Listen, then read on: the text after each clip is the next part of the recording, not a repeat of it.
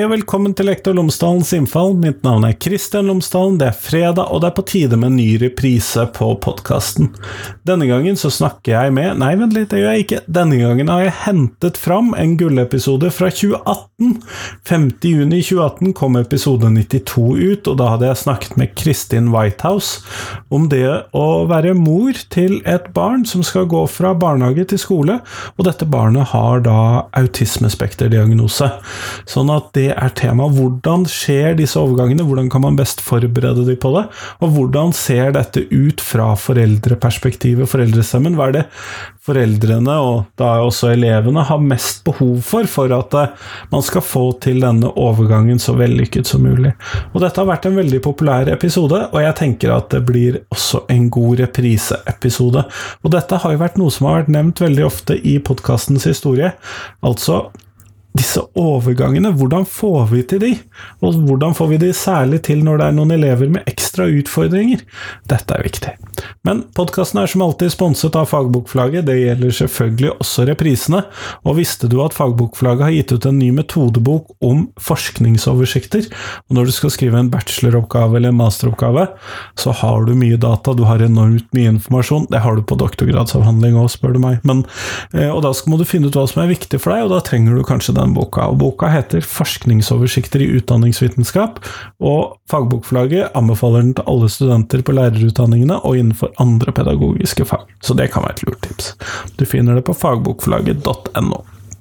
Og de sponser podkasten fordi at de tenker at jeg tar opp viktige temaer som angår skole- og lærerutdanning, og de tror at dere som hører på denne podkasten er opptatt av det samme, hvordan ny forskning kan påvirke og forbedre praksis i skolen. Og vel, det tror jeg også. Men uh, nå får du Kristin Whitehouse på reprise. Vær så god. Hei, hei.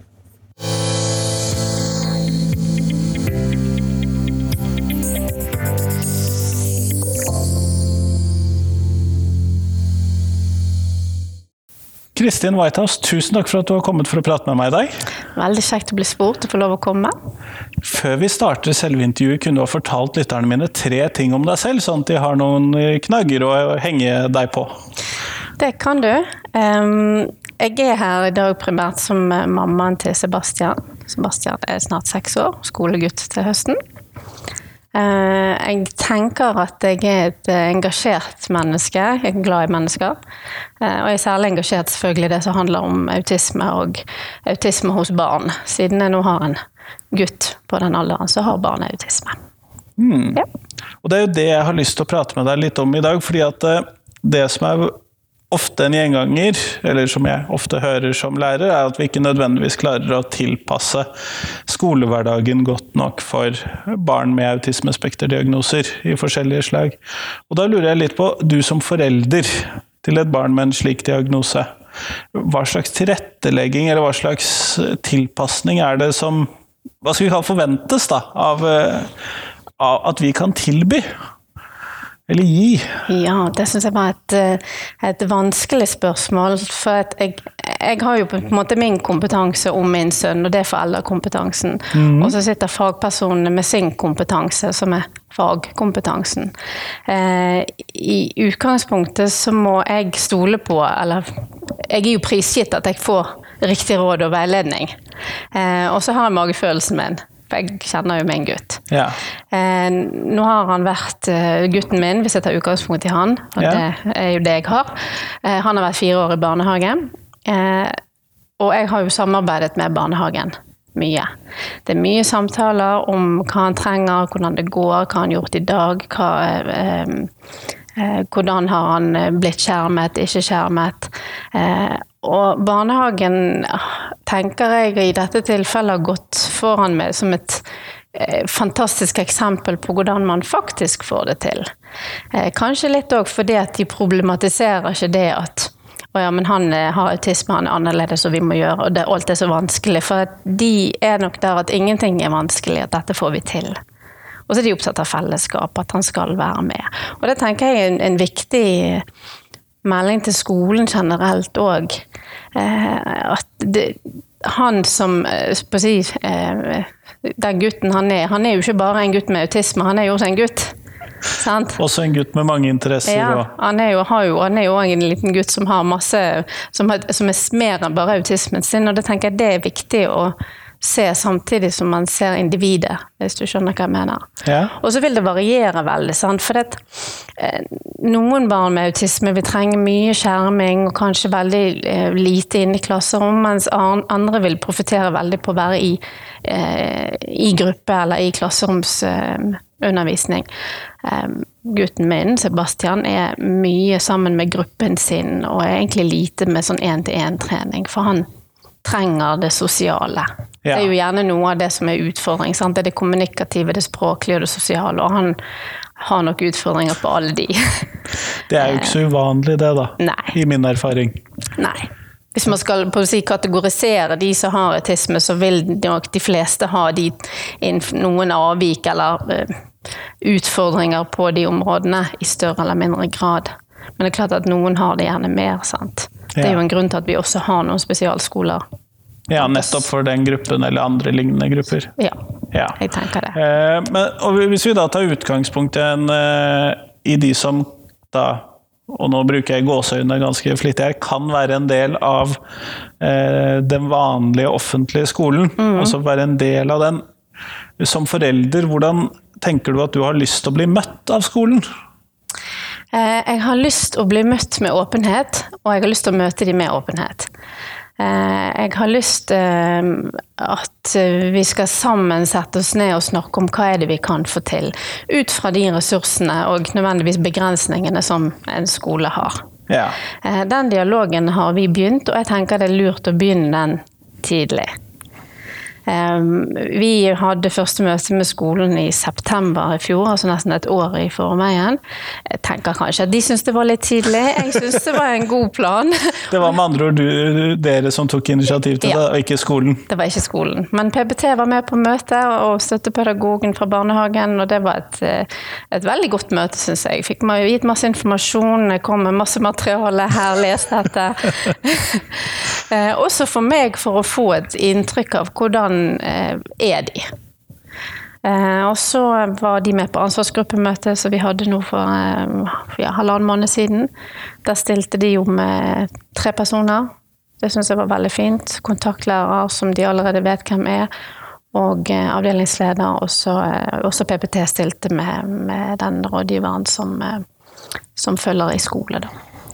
Eh, Og de stilte masse spørsmål, veldig konkrete spørsmål, og det syns jeg er en veldig god ting. Så for meg er det en veldig god start. For det er klart, jeg har ikke lagt skjul på at jeg gruer meg til han skal begynne på skolen. Naturlig nok. Eh, naturlig nok. Og det, det er sikkert mange som gjør det. Mm. Man snakker jo om seksåringer generelt og modenhetsnivå, og de skulle sikkert ventet et år til og alt dette. Eh, modenhetsnivået hos akkurat han, og sikkert veldig mange andre barn på seks år med autisme, eh, er jo ikke samme sted som de jevnaldrende sitt. Eh, ikke har han veldig mye språk, eh, ikke kan du eh, samtale med han. Sant? Han kan svare på ja- og nei-spørsmål, men du kan, altså det er en del ekstra ting som Ja. kommer med. Sant? Han får ikke med seg ting. Eh, ja, har litt, oppføres litt rart innimellom. Og, og det er klart at jeg eh, tenker jo kanskje på skolen som det store, skremmende. Gå, gå fra barnehagen, som er det trygge miljøet som jeg kjenner, til skole som er noe helt annet. Helt andre krav. Eh, så det betyr mye for meg å bli møtt fra skolen sin side med at eh, vi skal gjøre så godt vi kan. Ja. Og at man stiller med flere personer og åpner for møter og sånn. Men eh, det tyder jo da kanskje litt på at det et, ligger et visst ansvar hos foreldrene med å sørge for at den kontakten ble etablert ganske tidlig, da. Jeg tenker jo det. Ja. Men det er, ikke, det er jo ikke gitt. Det kommer jo an på, hvor, på si, både hva man har kapasitet til og ressurser til, hvem barnehage man har. Jeg har jo en fantastisk barnehage som har, er i ryggen på meg hele tiden. Lagt lista høyt da for skolen. Ja, det. ja, men sånn som kommer, og som er veldig på, og som kommer med anbefalinger. Vi syns sånn og sånn, vi syns kanskje at det er lurt å gjøre dette. Eh, Og det, og det tror jeg at skolen tar imot. Og det tenker jeg er viktig at skolen tar imot helt konkrete råd på akkurat hva de kan gjøre for dette barnet. Også fordi at barnehagen kjenner barnet bedre enn skolen gjør. Definitivt. Og at det kanskje legges til rette for en overgang, og det tror vi skal få til. At den følger med noen eh, med han i skolen når han begynner en måned eller to, alt ettersom dette er ikke avklart, men jeg eh, ser for meg at det kan bli en mulighet. Ja. Og det tror jeg er viktig. Sånn at det er en del ekstra som må tilrettelegges. Denne overgangsperioden må bli en del lenger da, for å tilpasse til eh, de utfordringene som ligger der. Ja. I tillegg så kan jeg jo si at han har jo allerede vært en eh, besøk på skolen og hatt besøk fra skolen.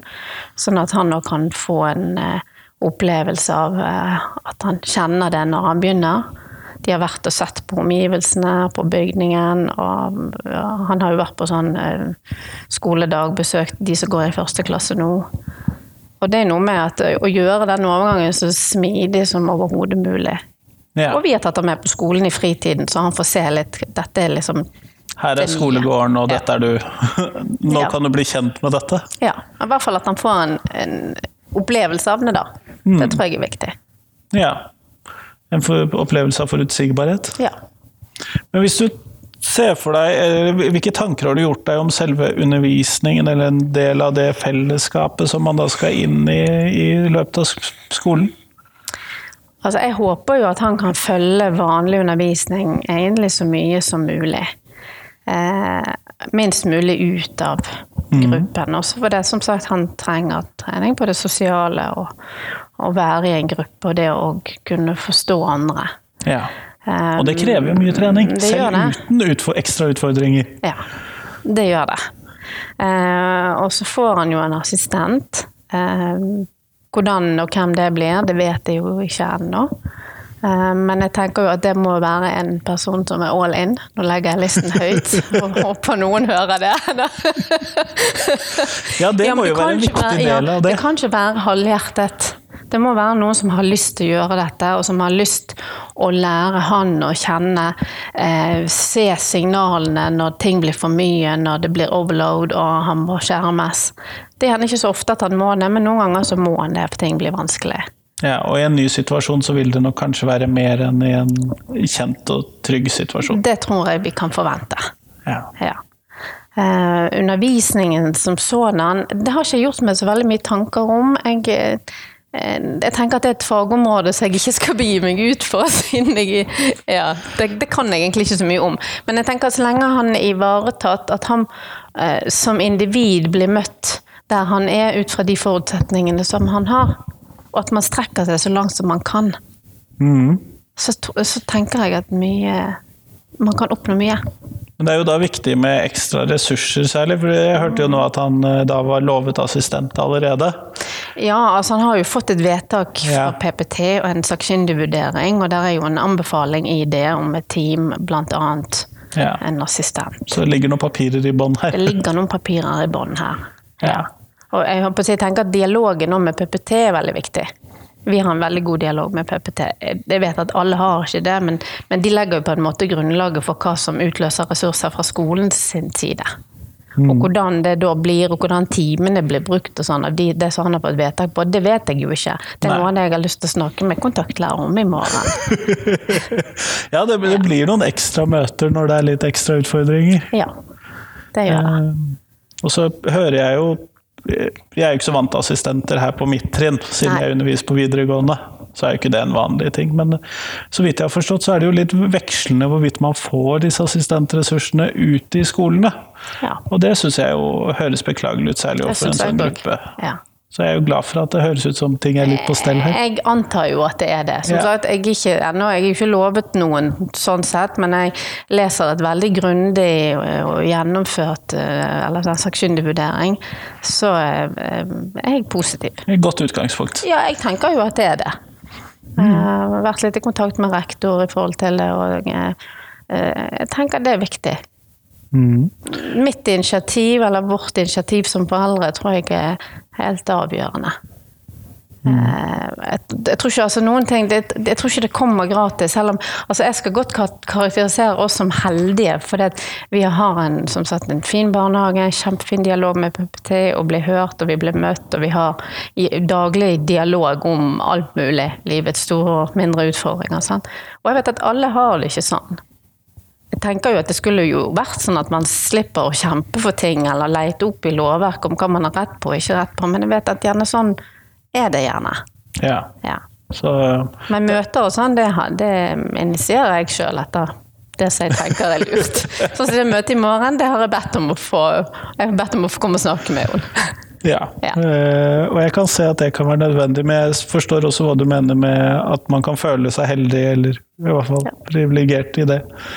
Eh, men hvis vi skulle ta to-tre stikkord om hva, hvordan du tenker at Hva er det som er viktig for at vi skal kunne lage god undervisning for denne, type, denne gruppen da, som vi snakker om? Hvis jeg skal tenke litt generelt, så tenker jeg kanskje at små grupper er bedre enn store grupper. og Det er det jo gjerne for mange barn. Ja? Eh, mest mulig forutsigbarhet. Og det er det gjerne på skolen fra før. Hvis man å ha dagsplaner eller tydelighet på hvor man skal hen. Når Man, overgangssituasjoner f.eks. kan være vanskelig. Eh, hvis jeg skal ta utgangspunkt i gutten min, så trenger han tydelige beskjeder på nå skal han gå fra A til B, f.eks. ja. Han er flink å følge de andre, så det kan han gjøre, men man kan ikke ta for gitt at han faktisk gjør det. Har han ikke en plan for hva han skal gjøre, eller eh, blir satt i gang med noe, så begynner han å vandre. Og det er det jo gjerne en del som gjør, for de vet ikke hva de skal gjøre. Sant? Og da går jo han et helt annet sted. Dette tenker jeg jo er Ja. ting som skolen burde ha gjort i utgangspunktet for alle barna. Ja. Min datter har f.eks. ikke den type utfordring, men hun kan vandre milevis unna så hvis ikke hun får beskjed om hvor hun skal gjøre. det. Jeg tenker det gjelder ganske mange, men det gjelder nok kanskje spesielt de som har, har en diagnose innenfor autismespekteret. Det er det om å vite, og særlig overgangsfaser, forberede. Eh, vi bruker mye tid på å forberede, og vi snakker om helt sånne enkle ting som at eh, han holder på med noe, han leser en bok eller sitter med et nettbrett, og så skal vi spise middag. Overgangen mellom de to. Det kan ikke komme sånn 'nå er det mat'. Nei, det kan det ikke. Så vi bruker timestokk. Det, det, det bruker de i barnehagen òg. Bare en liten sånn nedteller, og så sier nå er det to minutter igjen til middag. Ja. Da går alt så mye enklere for alle parter. Da blir det ingen scener eller grining eller ja. Jeg var ikke forberedt på at jeg nå skulle legge vekk boken, så da ville jeg ikke legge vekk boken. Nei. Og sånn er det jo også. Det er lettere for, for barn generelt tenker jeg, å bli forberedt på, og spesielt for de med autisme, så trenger de mer tid på å forberede seg til en overgang. Nå skal vi gjøre, avslutte det, og så skal vi begynne på det. Det er lurt. Ja, Ja. Det er helt konkret òg. ja det, det er veldig konkret, og det er jo et eh, ting som kan være veldig greit for oss lærerne å ta inn i undervisningen. Mm. det, er ikke, det, det, er ikke, det er ikke så fluffy. Nei, det er ikke det. Det er veldig konkret. Eh, noe av det som vi blir rådet til på lærerutdanningen, er ofte sånn Vi må ha relasjoner til elevene. Ja. Hva betyr det, da? Ja, det... ja nei det, Ja. Det er veldig um, abstrakt. Det er ganske abstrakt, men sånn ok, vi må gi beskjed tydelig litt i forveien. Det er ganske Ja. Og så tenker jeg jo òg altså at barnehagen eh, har jo jobbet med eh, helt konkrete målsettinger. Sant? På hva han skal klare av ferdigheter, og det er mye ADL-ferdigheter, selvfølgelig. Eh, og det tenker jeg det er viktig å fortsette med disse ferdighetstreningene òg inn i skolen. Altså jeg skjønner jo at vi skal snakke altså at han skal ha et faglig undervisningsopplegg òg, men i det så ligger det jo så det Bare dette med å ta på seg skoene sjøl, ta på Ja. jakke, og gjøre det når, når han skal gjøre det. sant? Ja. Altså det er sånne det er Spise viktig. maten sin når han skal spise maten sin. Altså det, det er jo helt elementære ting, men det er kjempeviktig å fortsette å, å, å øve på det. Også i de nye rammene som Mm. eh, han skal inn i nå. Ja. Og det blir jo noen andre da, målsetninger enn eh, Samtidig. Mm. man, Førsteklassing har, jo- eh, Og jeg egner meg ikke som vikar i første klasse. Jeg gjør ikke det. Vi har vært der Det er noen en ganger. ærlig sak. Ja. Eh, og det, det, det er jo mye sånn barnehage og knyte sko og få på parkdresser og sånn. De er der små barn. Ja, Ja. de er jo bitte små. Ja. Um, sånn at det blir jo ikke så annerledes målsetninger i begynnelsen. da. Ikke på sånne ting. Tenker jeg. Det blir mye av det samme, og så jobbe med det. Og så er det klart at det er kanskje ekstra mer repetisjoner med han enn det er med andre. Ja. Sant?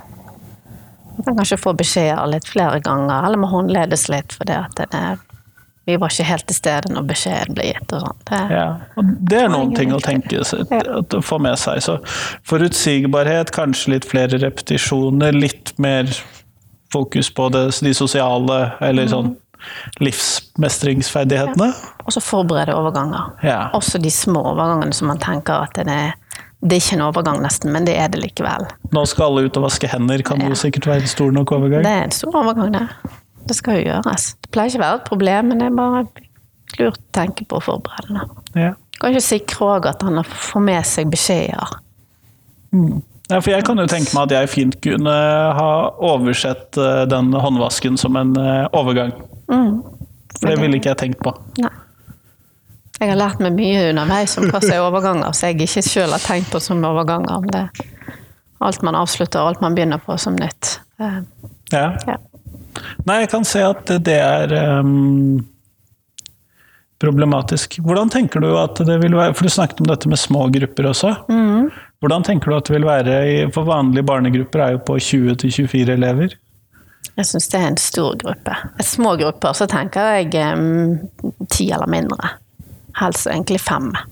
Og nå, skal, og så tenker jeg, nå er det jo en del som har dette begrepet som heter baseskole. Det sier ikke meg så veldig mye, egentlig, men jeg har forstått at da er det mye mer inndeling i grupper. Men kanskje mindre forutsigbarhet enn jeg kunne ønske meg. Mer flyktige grupper og større hovedgrupper. Det er det jeg har skjønt. Um, jeg skal snakke litt om det i morgen òg, med kontaktlærer. Hvordan det blir. Men jeg forstår jo det at de, begynner, de jobber da i en del små grupper.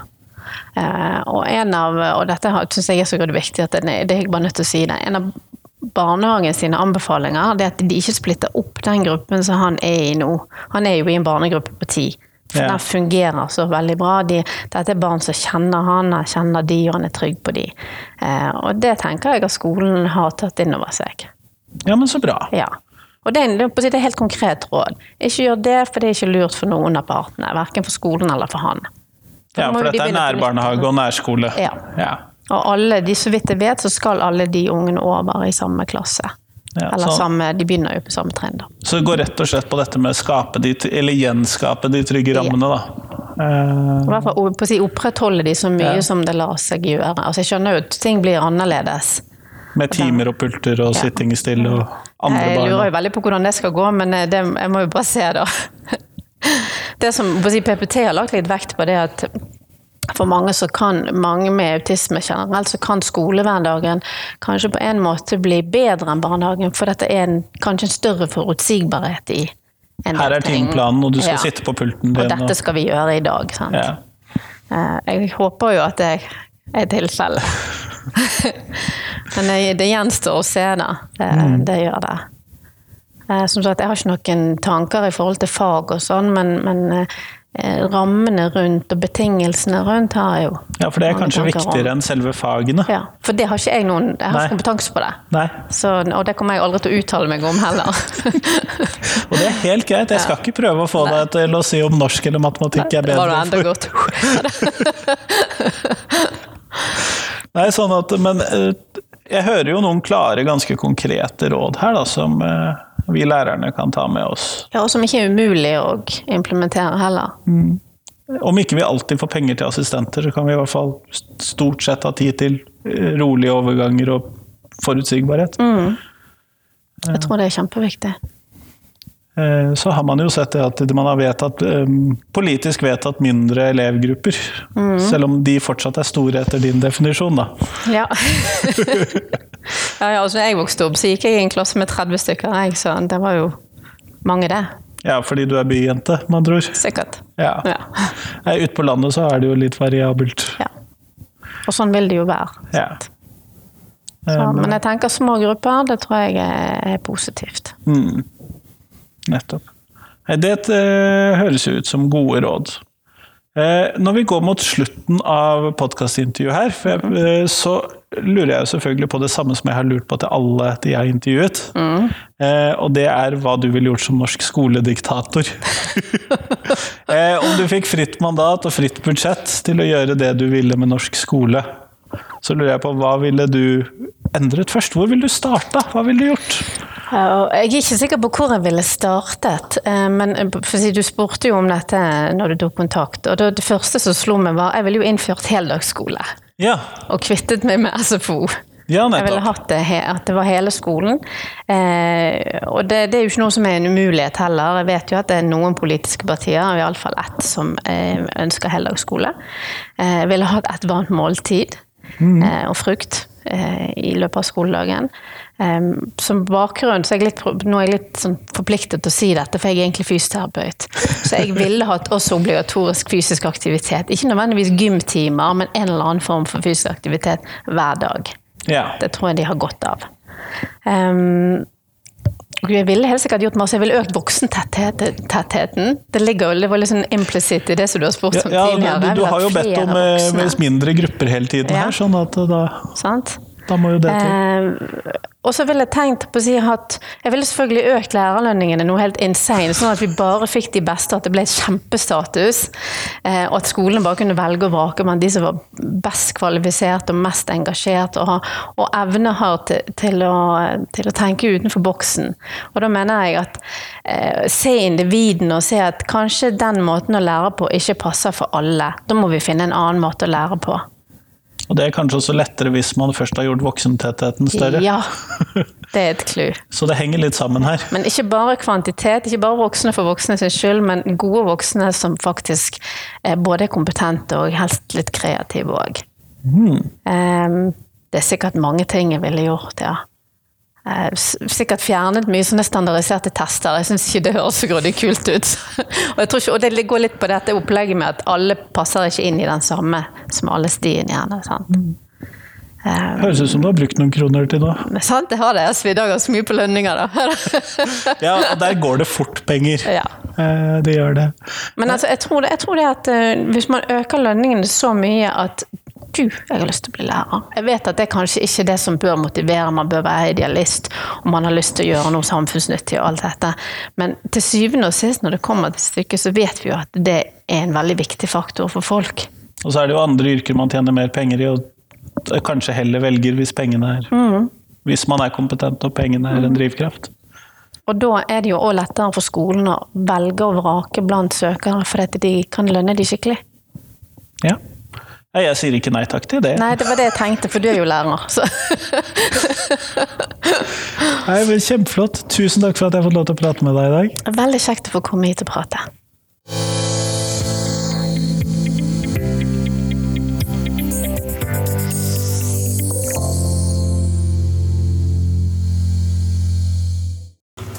Tusen takk til Kristin, og tusen takk til deg som har hørt på. Jeg håper at du satte pris på dette podkastintervjuet. Det er jo hentet fram fra eh, backcatalogen min, for å si det på det nynorsk. Eh, og jeg tror at noen av disse episodene er verdt å høre om igjen. Så mistenker jeg at det er ikke alle som har hørt alle episodene, og da må jeg nesten hente fram noen innimellom for å vise de litt fram. Men på søndag 14. mai så runder faktisk podkasten episode 500, og det gleder jeg meg utrolig mye til. Sånn at jeg håper at du kan gå inn på Facebook eller YouTube og se det live, når vi skal finne ut hva er ståa i norsk skole, hva, hvordan ligger dette egentlig an. Høyre er der, Arbeiderpartiet er der, lektorstudentene er der, og vi har med Simon Malkenes. Men nå, nå får du ha en eh, fin dag videre. Hei, hei.